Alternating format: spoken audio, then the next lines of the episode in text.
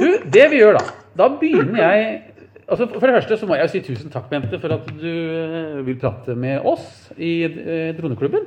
For det er jo Droneklubben du snakker med nå. Selv om det er Dronestig som snakker, så er det jo Droneklubben du snakker med. Jeg snakker med hele droneklubben, ja. Du snakker med 10 000 droneinteresserte øh, entusiaster som er på Droneklubben. ja. Og det er gøy. Fantastisk. Det har blitt så mange. Vi har blitt, vi er, vi, I dag tidlig, fem på ni, altså 08.55, så var vi 9990. Oi. ja, da kommer det snart merke, et merkemedlem. Hvem er det? Det blir nummer 10 000, da. Ja. Jeg, jeg håpa det skulle bli deg, Bente, så vi kunne lage en egen podkast om det. Ja. Nei, jeg tror ikke det er noe fare på at jeg blir medlem av noen droneklubb med det første. Jeg har egentlig nok med droner på jobb. Altså, det er, går ganske ett her eh, om dagen nå, skjønner du. Du, Det tror jeg, tviler jeg ikke på. Vet du hva, Bente? Da skal vi begynne å stille første spørsmål. Og temaet for podden, eller denne podkasten her, det kan hende, Bente, at hvis vi snakker mer enn noen minutter, at jeg lager to podkaster av det òg. Men eh, vi kan se hva vi får til, Bente. Uh, første spørsmålet mitt til deg, og temaet, da, er jo det eh, er jo følgende. Luftfartstilsynet ved Bente Heggedal svarer på det alle lurer på. Det er Ja, du tar det godt her nå. Ja, men jeg har jo fått, jeg har fått masse fine spørsmål. Det Evne å, å få til. Ja, men jeg har fått mange fine spørsmål fra fjern og nær vet du, på hva jeg skal spørre om. Så kan Du har lagt lista høyt. Ja, OK. Vi får se da, Bente. Eh, Jeg har sendt deg noen spørsmål, men det vi gjør nå, er at, eh, at vi begynner veldig enkelt. Gjør vi ikke det, Bente? Og det Ja, jeg får håpe det, da. Altså, for jeg svarer etter beste evne. Men det er ikke alt jeg kan svare på heller, vet du. Nei, men vet du hva, da tar vi vekk det du ikke kan svare på, da. Det går bra. Så det, Men Bente, uh, tusen takk for at du, du tar, setter deg tid i en hektisk hverdag. For du må ha hektiske dager om dagen. Det skjønner alle som uh, har litt innsikt i hva som skjer på dronefronten om dagen. Ja, nå Eh, skjer det veldig mye spennende. ja, nå skjer det veldig mye spennende. Det er akkurat det du gjør, Bente. Så det er litt morsomt. Uh, Bente Heggedal, hun er da Ja, hvem er egentlig Bente Heggedal, da, Bente? Ja, jeg er jo først og fremst byråkrat. Da. Jeg er jo ansatt i staten for å sørge for at eh, det skal være ålreit å fly drone i Norge. Og at vi skal gjøre det på en måte som både skal være innbringende for markedet og sikkert for eh, de som er deltakere, og, og de som er, ikke, ikke er eh, nødvendigvis flyr drone sjøl, men, men som oppholder, som oppholder seg i det rommet som du flyr drone i. Ja, akkurat. Um, har du ei drone sjøl, Bente? Ja, jeg har faktisk det. Nå skal ikke jeg ha på at jeg har flydd den for mye, da. Men jeg har eh, faktisk en, eh, en drone. Jeg har flere. da. Jeg har, en, jeg har en del sånne små lekedroner også. Så gøy. Eh, men jeg har en DJI Mavic eh, Pro, da. Oi, oi, oi. oi. Du har state of the art. Så flott. Ja. Så morsomt. Så da jeg fortelle deg at Den kjøpte jeg faktisk fordi at jeg skulle se når en venn åpnet den, for å se hva den gjorde først. Om den leste bruksanvisningen, eller om den gikk på Luftfartstilsynets sine sider, eller hva, hva en vanlig person som kjøper en drone, gjør. Og Så da gøy. ble jeg litt, eh, litt skuffa, da, vet du. Fordi at eh, først så prøvde vedkommende bare å starte saken og la den opp. Og så var det et par YouTubes, og så var vi i lufta. Så jeg da tenkte at her, er det, her må vi prøve å bredere for å nå mennesker i gata med sikkerhetsinformasjon. Eh, Og det syns jeg kanskje at eh, sånn som Droneklubben bidrar veldig godt til.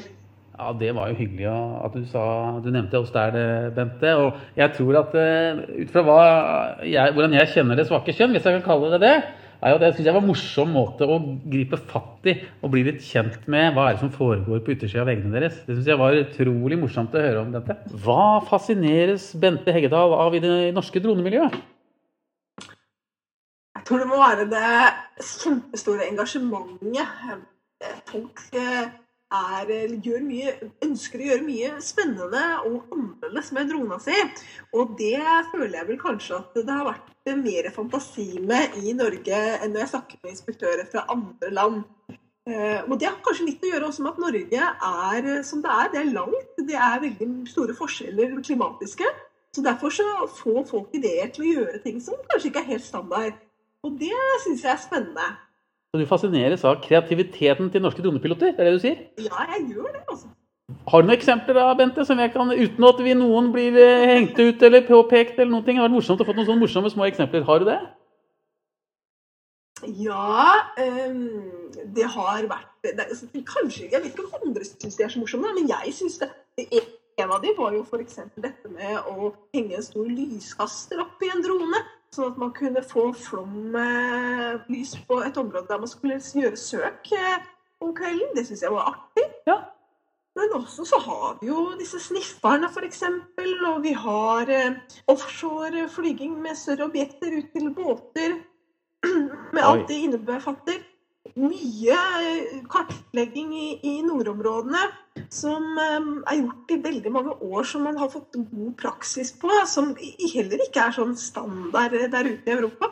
Så jeg syns det er veldig mye som um, er i ferd med å bli voksen da, og blomstre i markedet. Men Bente, basert på det lille du sa nå, så må jo du og jeg snakke sammen oftere. For veldig mye av det du snakka om nå, er jo ikke kjent i dronemiljøet i Norge sånn i, det, i gemene hop. Det er jo vi driver og prater nå på Droneklubben. Men eh, det å fortelle litt uten å si noe om leverandører eller noen ting, om disse ideene og hva de driver med, kan jo skape nye ideer og ny innovasjon for norske dronepiloter og dronemiljøer i Norge.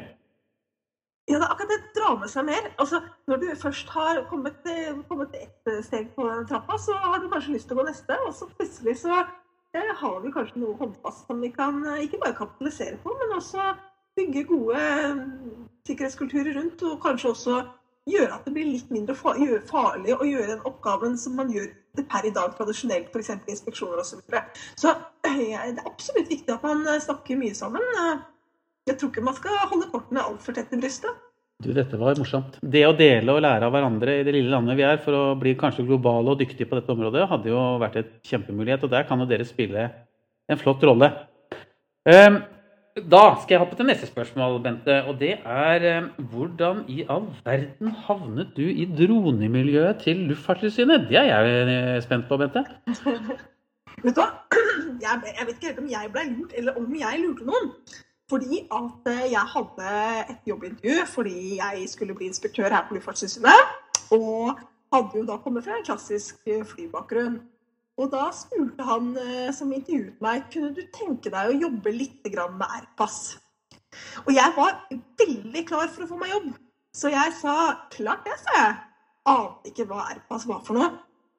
Og sånn begynte det. Da hadde jeg lovet noe til noen. Ja, det er herlig. Så, så sluttet Morten Raustein. Og da var det bare å sette på seg setebelte og gi full gass. Altså, jeg ikke må google hva Airpass var for noe. Ja. Og det jeg skjønte jo da at det var eh, det samme som Uaver og sånn. Og det, det var jo ikke noe jeg, jeg kunne jo ingenting om dette her. Eh, sånn at det, det har vært en bratt læringskurve. Men nå har jeg vært her i snart sju år, da. Så nå begynner det å hjelpe nå. Ja, Du begynner å få peiling nå, Bente. Det har vi skjønt. Alle rundt eh, oss i dronemiljøet har stor respekt for det dere får til der oppe på Bodø og Luftfartstilsynet, så dette er veldig bra. Altså, nå har jeg jo fått med meg så mye flinke folk, vet du. Det hjelper jo veldig. Ja. For det, de hullene jeg har sjøl, de prøver jeg å dekke med å få folk som, som kan noe om det. Ja, veldig flott. Um, da skal jeg komme med et sånt litt vanskelig spørsmål, Bente. Jeg har skrevet det til deg, så jeg vet ikke om du er forberedt på å svare på det, men vi kan jo prøve. Og det er hvordan blir det å være dronepilot etter 1.1 i 2021? Ja, Det blir iallfall veldig spennende. For det er jo en bransje som, som har begynt å modne, som jeg nevnte før. Og det begynner å bevege seg i stor grad mot regulær eh, luftfart. Altså, Ting begynner å ligne på sånn som vi kjenner luftfart fra før, på godt og vondt. Det er også alt gamle systemer som skal ha en ny teknologi. Og det er ikke, det er ikke smertefritt, det. Men vi ser også at nå har det også kommet mange løsninger som begynner helt fra scratch. ikke sant? Sånn som eh, UTM-systemer og sånn. Folk begynner å, å leke med ideen av å bygge opp noe som er helt nytt. Samme luftrom. Åpner nå for at kanskje man skal omdefinere dette med luftrom litt. Innføre flere luftromsklasser, f.eks. Det er mange, mange gode krefter som jobber i riktig retning for å få eh, fremtidens luftfart til å være urbane, rett og slett. Så mm, ut fra hva du sa nå, så blir det ikke så vanskelig da, å fly eh, lovlige droner i- etter 1.1. Ja, altså, det rammeverket som nå blir gjeldende, det tror jeg vil fasilitere US-piloter og gi dem større muligheter. Samtidig da, så vil det også, når man skal gjøre kompliserte operasjoner, stille større krav. Altså, du kan gjøre mer, men kravet vil være, det vil være krav til deg. Og de kravene de kan kanskje bli litt tøffe for noen. Men vi vet jo ikke akkurat nøyaktig hvordan akkurat det kommer til å bli. da. Men vi har ganske mange av de der puslespillbitene på plass nå. Og vi skal ha en konferanse til uka, sånn interaktiv, altså over nett. ehm, Der vi skal gå igjennom hvordan det nye regelverket kommer til å bli. Så det eh, Vi har eh, vi har ganske mye informasjon om dette. men Vi har lagd kursa osv. Så, videre. så kurslover slipper 1.12. og har masse informasjon. da. Men det poenget her er jo at framtidens luftfart skal sameksistere med tradisjonell luftfart, og ikke holdes atskilt. Akkurat. Det er jo noe med at når man tar luftrom eller Hvis man gir luftrom til noen, så tar man jo luftrom fra noen andre. Og da blir det bråk, da, vet du. Så det at vi ønsker jo at folk skal kunne sameksistere, og det tror jeg vi skal få til i mye større utstrekning med ditt regelverk. Veldig spennende. Så da kan jo du og jeg benytte anledningen til å oppfordre alle i Droneklubben da, og sette av 14. Da, 14. oktober til å følge med på alt det nye spennende som kommer. Ja, absolutt. Kan du, kan du gi oss en oppfordring da på Droneklubben hva folk skal gjøre den 14. Er det onsdag? Onsdag Ja. Den 14. så har vi SID, og SID har vi hatt nå i fire år. Men, og det er jo sikker integrering av droner, står SID for. Og denne gangen så skal vi dedikere disse timene eh, til å lære opp folk i det nye regelverket, rett og slett. Og så skal man få én-til-én med en inspektør hvis man vil det. Man kan stille spørsmål underveis. Det er en veldig sånn interaktiv eh, konferanse. Veldig flott. det- Vil det med andre ord si vil det med andre si, Bente, at det ligger en link på Luftfartstilsynet som folk skal bli kjent med, sånn at de kan stå, sitte klare og trykke på den eh, på onsdag morgen klokken ni eller ti? Jeg vet ikke når dere begynner. Det er helt riktig. Er det en link ute?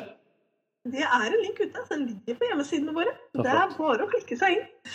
Da skal jeg legge den linken ut i podkasten som en informasjon, og så skal vi poste sammen med denne episoden her den linken, og at vi oppfordrer alle i Droneklubben til å faktisk sette av tid. Du har også snakka litt om hvordan det er å være dronepilot.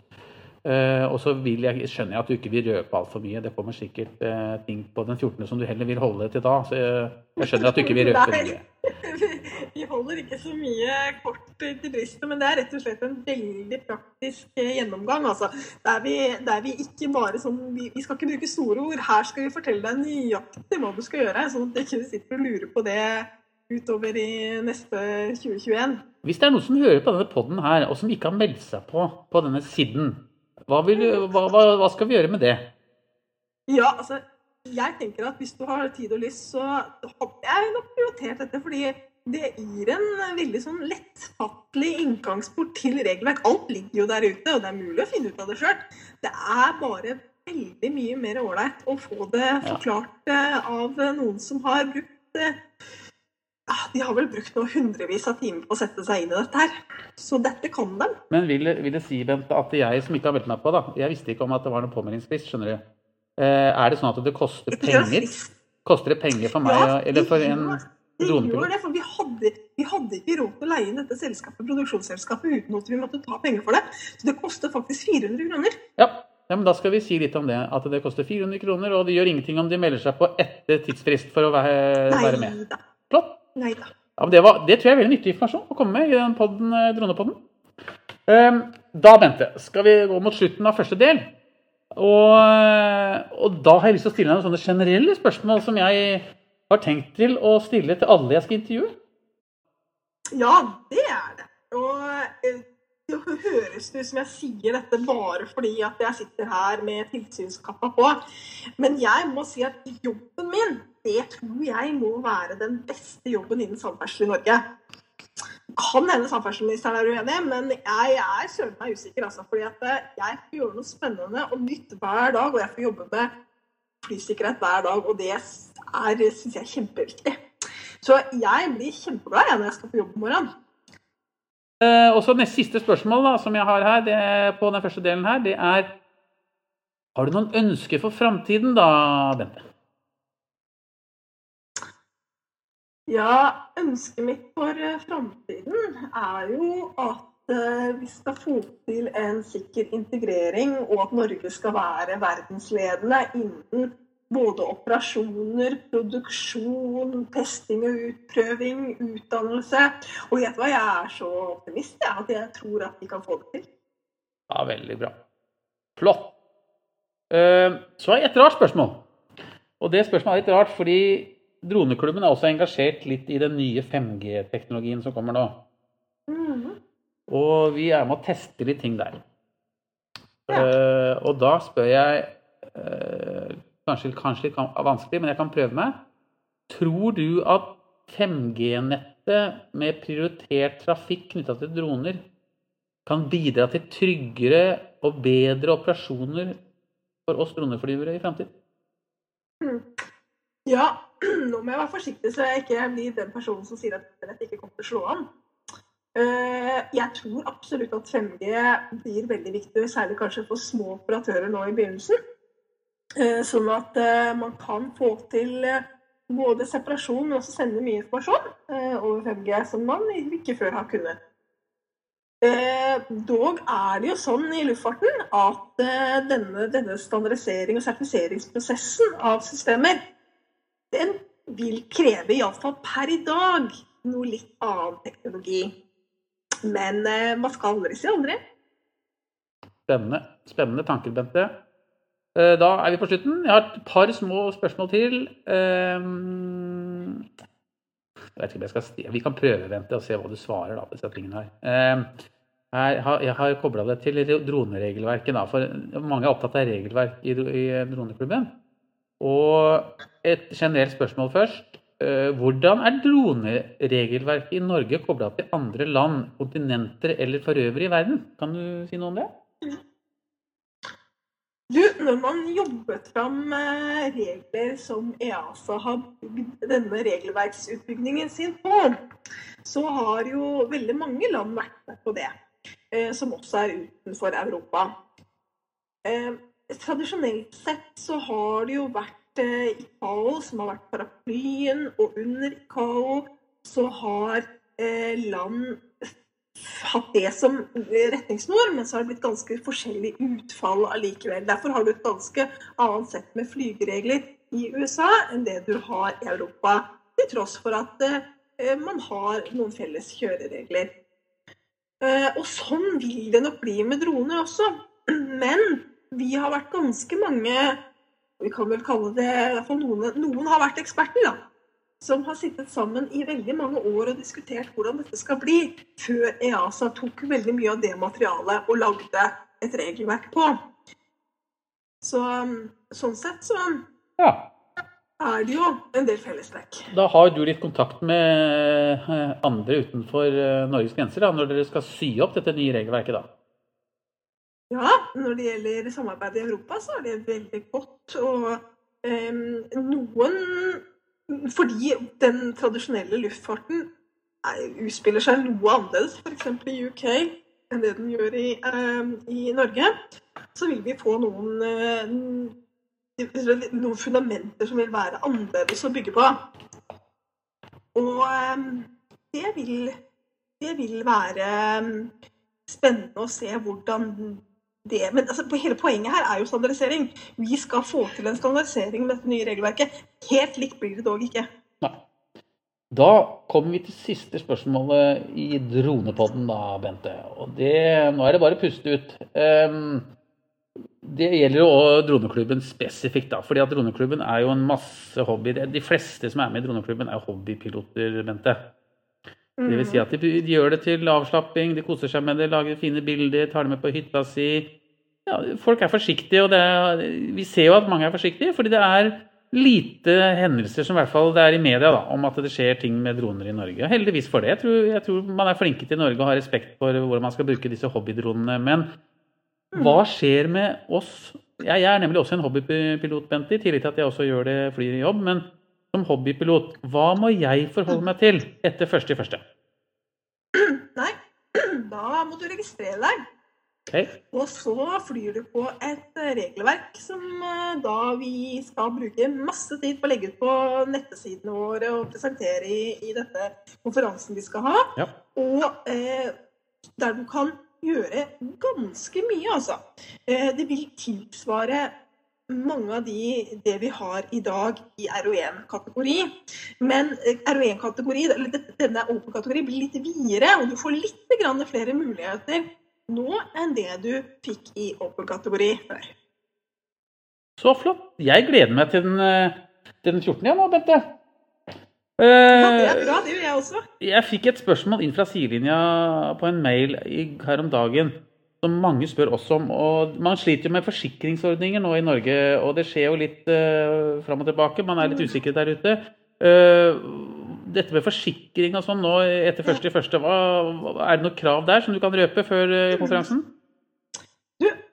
Ja, eh, vi er, det er fortsatt ikke helt spikra. Men, eh, og dette her er ansvaret og myndigheten ligger ikke akkurat i denne avdelingen her. Men eh, det ser ut som det blir generell forsikringsplikt for absolutt alle. Ja. Da med andre ord både hvis du flyr som hobby, og hvis du flyr som, eh, som vanlig pilot som jobber litt med film og bilder og kanskje andre ting også, selv om det er inne på lukka og sperra områder både i Forsvaret og andre steder, så knytter det til at man alle som har en drone, må også ha en forsikring spesifikt knytta til at man flyr den. Ja, helt riktig. Bente, tusen hjertelig takk for at du ville være med på Dronepodden. Og så. Ja, og så ønsker jeg deg lykke til den 14., og så skal jeg prøve å rekruttere flere 400 kroner-lapper, jeg. Sånn at dere kan få arrangert eh, noe den 14.10., og jeg skal i hvert fall følge med. Å, så fint. Så hjertelig takk. Still masse spørsmål. Mm. Ha det godt, da.